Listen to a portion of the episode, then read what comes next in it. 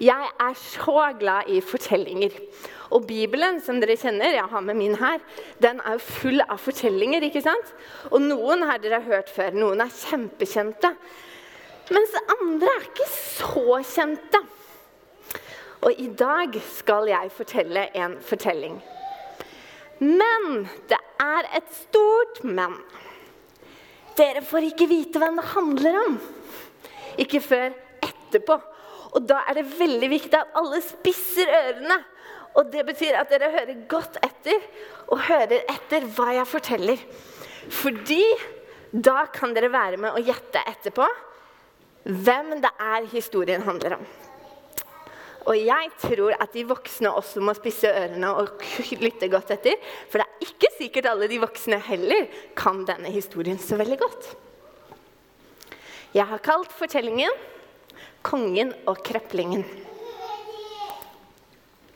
Det skjedde en gang for lenge, lenge siden i et land langt, langt borte at det bodde en ung mann. Han var eh, ca. 20 år, tenker jeg, når vi møter han. Denne unge mannen tenker du kanskje at var som alle andre menn.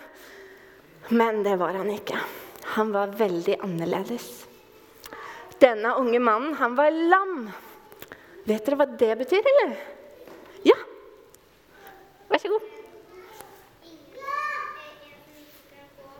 En som ikke kan gå. Det er helt riktig. Han kunne ikke gå.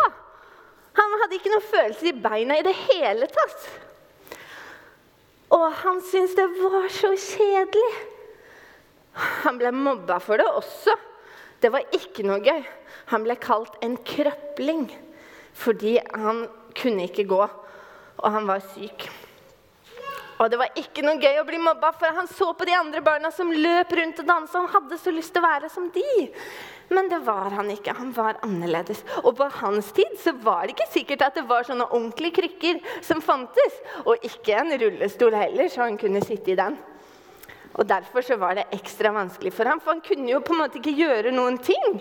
Han følte seg helt ubrukelig. Denne mannen hadde ikke alltid vært lam, skjønner dere. Nei. Han var jo syk i beina når han ble født, men alt forandra seg da han var fem år. Det var ikke bare at han ble lam da han var fem år, men det skjedde noe stort med familien hans òg. Ja, fordi han var nemlig ikke hvilken som helst gutt. Han var en arving til tronen. Det betydde at han kunne bli prins og konge en dag. Ja, han ble født på et slott i de fantastiske omgivelser. Det var nydelig på slottet. Men plutselig en dag så kom det en annen konge. Og bestefaren hans, som var konge, han måtte ut i krig. Og det gjorde at de måtte flykte. Og denne lille gutten som bare var fem år, han ble tatt av fostermora si, en barnevakt, på en måte, mamma som passa på han. Og de måtte flykte i all hast, løpe vekk fort, fort, så fort de kunne. De måtte bryte opp fra slottet, fra alt det som var kjempefint. Fordi de var i fare. De måtte løpe, for de var i familien til bestefar, altså kongen, da. Og når de løp, så skjedde det at den lille gutten bare falt og slo seg. Han slo seg skikkelig, Nathanael. Han fikk kjempevondt, mer vondt enn han hadde i beina. Og det gjorde at han ikke kunne gå lenger. Han var helt lam. Og så måtte fostermora bare ta femåringen og løpe med han. Men vet dere hvor de dro? De dro til et sted som de kunne leve som helt skjult, så ingen så de lenger. De dro langt, langt bort. Og vet dere hva det stedet de dro til, det heter egentlig sånn direkte oversatt ingen enger. Og enger er jo de grønne plenene ikke sant? som dere ser noen ganger. Hvor sauer og dyr går og beiter på enga. De spiser gress. Han dro til et sted hvor det ikke var noe grønt gress. Og det betyr at det ikke var noe som helst ikke noe som helst eh, vann. Og nå skal vi se på noen bilder her fra at Dette er bildet av en som var lam i beina. Og så var han ganske liten når han måtte rømme. Men dette bildet er kanskje et eksempel på hvordan det var der han bodde nå. I ingenmannsland. Vi kan si ingenmannsland, for det var ingen mann eller ingen som ville bo der. Bortsett fra de som rømte fra noe eller noen. Eller de som var veldig, veldig fattige. De ville kanskje bo i ingenmannsland. Så her vokser mannen vår opp fra han var fem. Og han bodde helt greit. Han måtte leve litt i skjul. Han var veldig opptatt av at ingen skulle finne han, så han var ganske redd. Hver dag frykta han. Tenk om noen finner meg! Nei og nei, jeg må passe meg, så ikke kongen oppdager hvor jeg bor. Og det gikk jo helt fint. Fram til en dag. En ikke så veldig vakker dag. Da blei han oppdaga. Noen fra den budbærere fra den nye kongen hadde blitt sendt. Kongen hadde oppdaga hvor han bodde. Og så kom de budbærerne til ingenmannsland der han bodde. Og så ba de ham bli med til kongen. Og nei. Han tenkte han kunne like seg godt dø der og da. Han var så redd. Og vet dere hvorfor? Fordi at det var sånn på denne tida at hvis du var i familien til han som var konge før, da var du ikke veldig populær. Fordi det var vanlig at den nye kongen liksom kvitta seg med alle de som var i familie til den gamle kongen. Og dette betydde at vår mann her, han var i livsfare. Så han tenkte han kunne like godt dø. Det var helt, Hva var vitsen med å dra til kongen hvis ikke det var at kongen ville bli kvitt han, liksom? Men mannen hadde, hadde ikke reist i krig tidligere fordi han var lam i beina. Men mange i familien hans hadde dratt i krig, og de hadde dødd i krigen. Men han tenkte at ja, da slapp jeg det fordi jeg er lam i beina. Endelig én fordel med å ikke kunne gå. Men nå tenkte han altså nei, det var det. Og så dro han med budbærerne. Ja, For det var ikke noe han kunne gjøre mot kongens budbærer. Han måtte jo gjøre som kongen sa. Han var så redd. Det var sånn beina skalv skikkelig. Har dere kjent noen ganger at dere er så redde at dere vet ikke hvor dere skal gjøre av dere? Skikkelig redd var han. Han var jo ingenting i forhold til en konge. Kongen, han var stor og mektig. Men denne mannen her, han var liksom som en liten mus.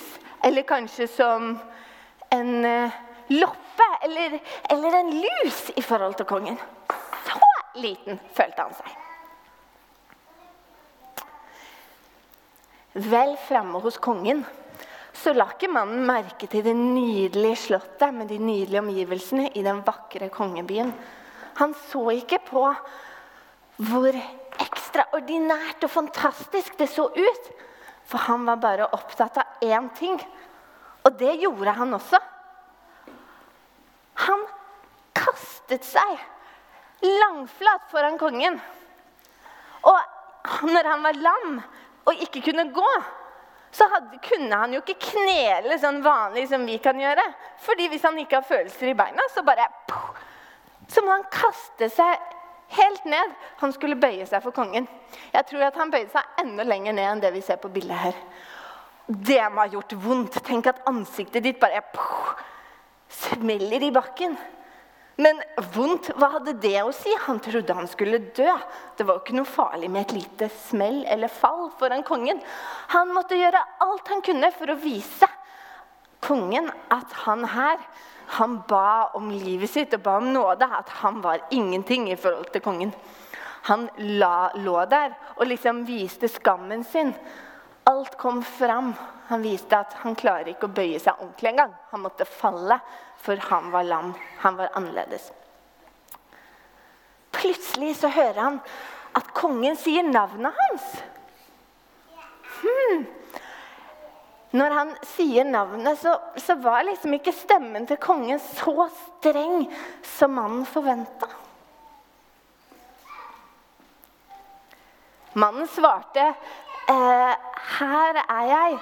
Og så la han til at han var kongens tjener. Kongen overrasker mannen og sier, 'Ikke vær redd'. Eh, konge, jeg vet ikke helt om du sier det riktig der. Så klart mannen var redd. Skjønner dere at han var redd, eller? Han var foran den store, mektige kongen som kunne gi eller ta livet hans hvis han ville. Og mannen var jo kjemperedd. Og så sier kongen, 'Ikke vær redd'. Wow. Men jeg tror kongen hadde en grunn. Hmm, tror dere at mannen ikke trengte å være redd fordi at uh, han var så flink og sterk? Tror dere at mannen var flink og sterk, sånn at han kunne bare ta kongen og han ikke hadde noe å frykte? Tror dere at det var fordi mannen hadde så fint navn eller bodde på et sånt fint sted at han ikke tenkte å være redd? Nei. Vet dere hva? Det hadde ikke noe med, kongen, nei, med mannen å gjøre. i Det hele tatt. Det hadde med kongen å gjøre. Mannen hadde ikke gjort noe for å ikke trenge å være redd. Han hadde all grunn til å være redd. Men kongen Kongen han hadde nemlig en avtale. Han hadde gjort en avtale eller holdt et løfte for lenge, lenge siden. Lenge før han mannen her blei født en gang. Så kongen sa ikke 'vær redd' til mannen. Fordi at kongen ville vise en sånn enorm gigastor, så stor dere kan tenke, godhet mot mannen. Han ville være så snill og så god og så full av kjærlighet til mannen fordi at denne kongen han hadde lovt pappaen til mannen at hvis det skjedde noe med pappaen, så skulle kongen passe på familien til pappaen. Så denne mannen hm, han trenger ikke å være redd fordi at kongen har gjort en avtale sånn for lenge siden.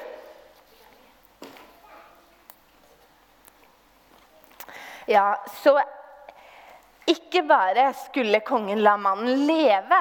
Han sa det at han skulle leve, men han gjorde noe enda mer. Vet dere hva kongen ga mannen, eller? Han sa at mannen som følte seg som ingenting fra ingenmannsland, som ikke dugde til noen ting, han skulle få spise på bord ved kongen resten av livet hans. Kan dere tro? Det er da du vasker ørene og tenker 'hæ, hva sa du?'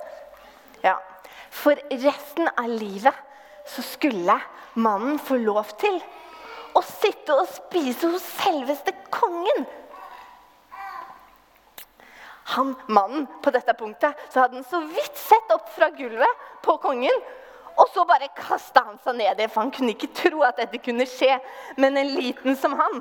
Og det han sier, det er Hva er vel jeg, din tjener?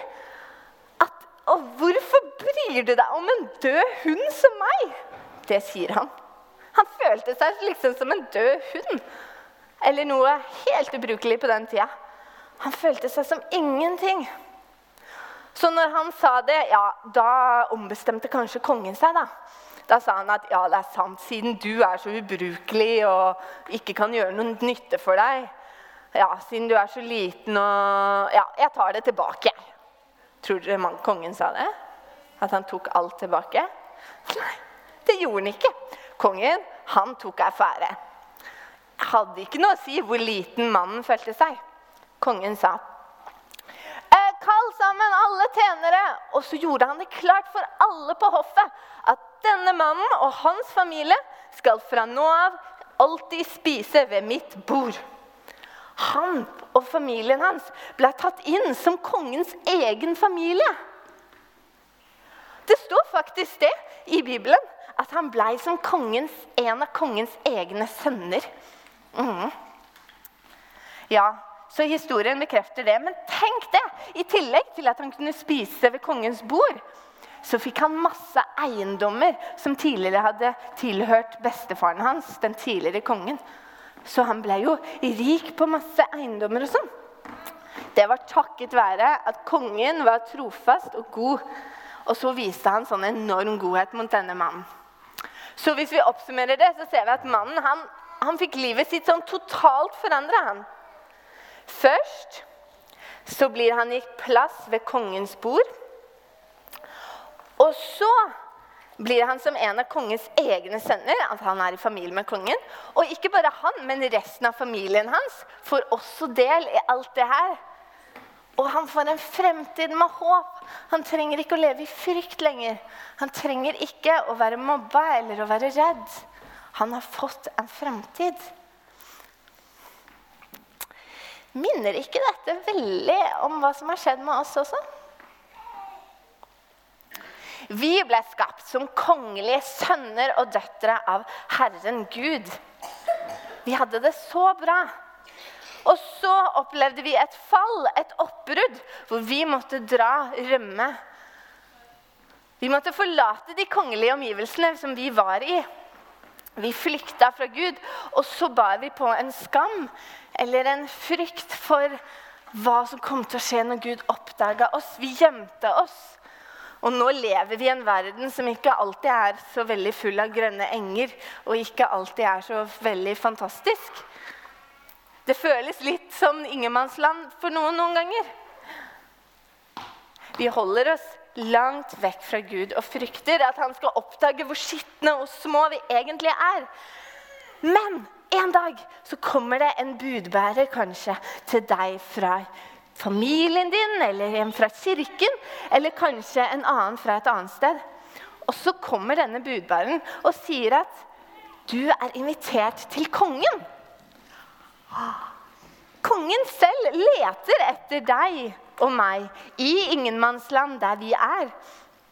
Og kongen gir deg en invitasjon. Du er invitert til kongen. Tør vi å møte ham? Vi fortjener ikke den invitasjonen i det hele tatt. Det er ikke noe vi har gjort for å fortjene en invitasjon til selveste kongenes konge. Så skjelvende så går vi inn foran kongens trone. Tør vi å møte han? Frykten vår og skammen vår og skylden vår og alt vi har gjort. Vi kan ikke annet enn å bøye oss så dypt i støvet som vi kan, fordi vi fortjener det ikke i det hele tatt. Men kongen inviterer oss. Så budskapet Gud møter oss med, er så fullt av kjærlighet og godhet. Det er sånn meganorm godhet vi aldri har forventa, og i hvert fall ikke fortjener. Hvorfor? Jo, for på denne måten så holder Gud sitt løfte. Et løfte, en avtale eller en pakt som han gjorde for lenge siden. Lenge før vi var født.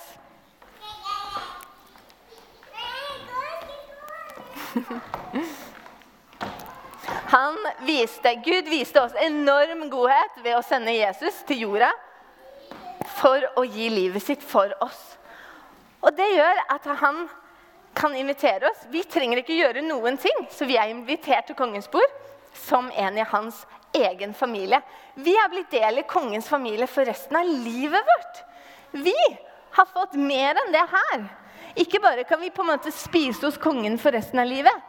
Vi kan snakke med kongen når vi vil, og hvor vi vil, og hvordan vi vil. For kongenes konge, Gud, han er glad i oss. Han elsker oss. Han har invitert oss til å komme til ham. Han sier, 'Kom til meg, og jeg vil gi dere hvile.' Alle som har ting å bære på, alle som føler at de går rundt i ingenmannsland og skjønner ikke helt meninga med dette livet. Det står at Jesus banker på hjertedøra vår hele tida og vil ha fellesskap med oss. For en godhet! Tenk dere det her. Gud holder sine løfter.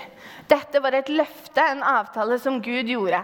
Historien vi hørte, det var en avtale som kongen gjorde mot denne pappaen til mannen for lenge siden. Men Gud har gjort det samme løftet.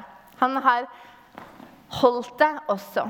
Han er et forbilde for oss på løfter, på å holde våre løfter. Har noen av dere holdt et løft noen gang? Eller kanskje har dere gitt noen et løfte? Har dere gått inn i en avtale med noen? i januar så, holdt, så ga jeg et løfte. Og det er sånn for alle som er gift, at man lover hverandre. Man gir et løfte. Det er en pakt, også en avtale om at man skal elske og ære hverandre. Og noen ganger, så For noen ekteskap virker det veldig fjernt, det løftet som man en gang ga i kirken. Så når det er veldig tungt i ekteskapet, og løftet virker veldig fjernt, så husk på Gud, som elsket oss så mye og viste oss kjærlighet takket være sitt løfte. Han som ga oss et enormt forbilde. Ikke gi opp. Når du sliter med å holde ut i studier eller på jobb, eller det er vanskelig å være den moren eller faren som du kunne ønske at du kunne være for dine barn, så ikke gi opp. Husk på Guds løfte. Han som er det store forbildet for oss. Bruk hans eksempel. For det er som vi sa i supersetningen Vi elsker fordi han elsket oss først. Kan dere si det med meg en gang til etter jeg har telt til tre? Skal vi se om dere husker det. Én, to, tre. Vi elsker fordi han elsket oss først. Det er derfor vi kan holde våre løfter til mennesker rundt oss. Og vi kan vise enorm godhet, fordi Gud har gitt oss alt det fra før av. Han har gitt oss den enorme godheten. Så det er han vi går og lever i etterfølgelse av. Vi følger etter han. Vi elsker andre fordi Gud elsket oss først. Han var først ute. Han var førstemann med denne kjærligheten. Så lurer dere på hvem jeg snakker om i dag? Er det noen som enten vet hva mannen heter, eller kanskje litt lettere hva kongen heter? Nå skal jeg se Ja, har du noe forslag?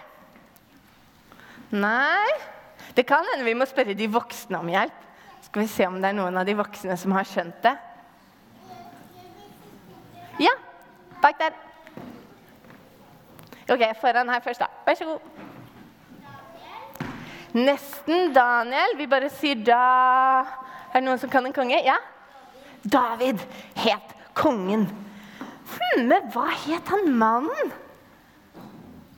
Det er et vanskelig navn. Ja.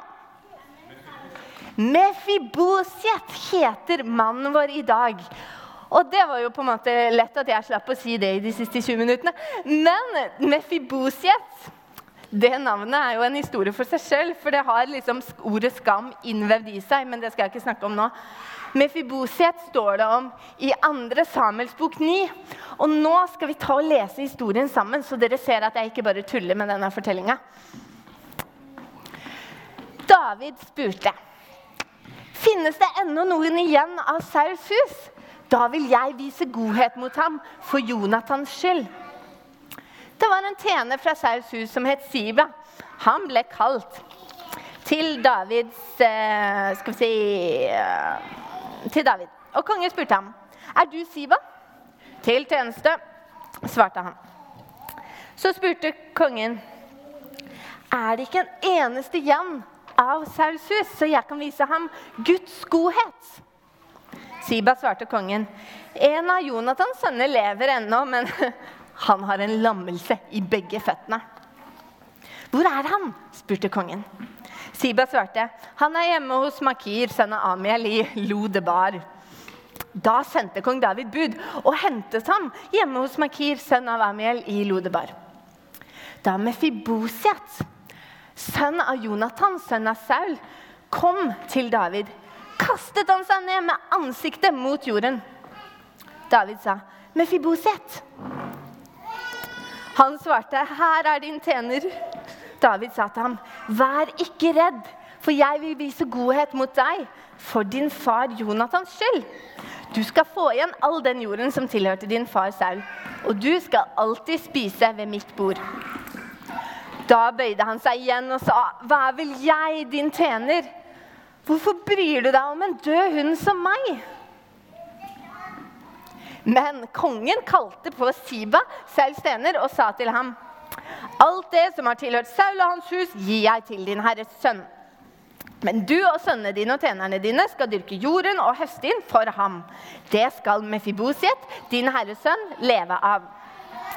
Han skal alltid spise ved mitt bord. Siba hadde 15 sønner og 20 tjenere. Han svarte kongen, 'Din tjener skal gjøre alt det min herre kongen pålegger ham.' Siden spiste Mefiboset ved kongens bord som om han var en av kongens sønner. Mefiboset hadde en liten sønn som het Mika.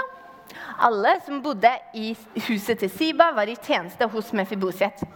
Mefiboset selv ble boende i Jerusalem, for han spiste alltid ved kongens bord. Han hadde en lammelse i begge føttene.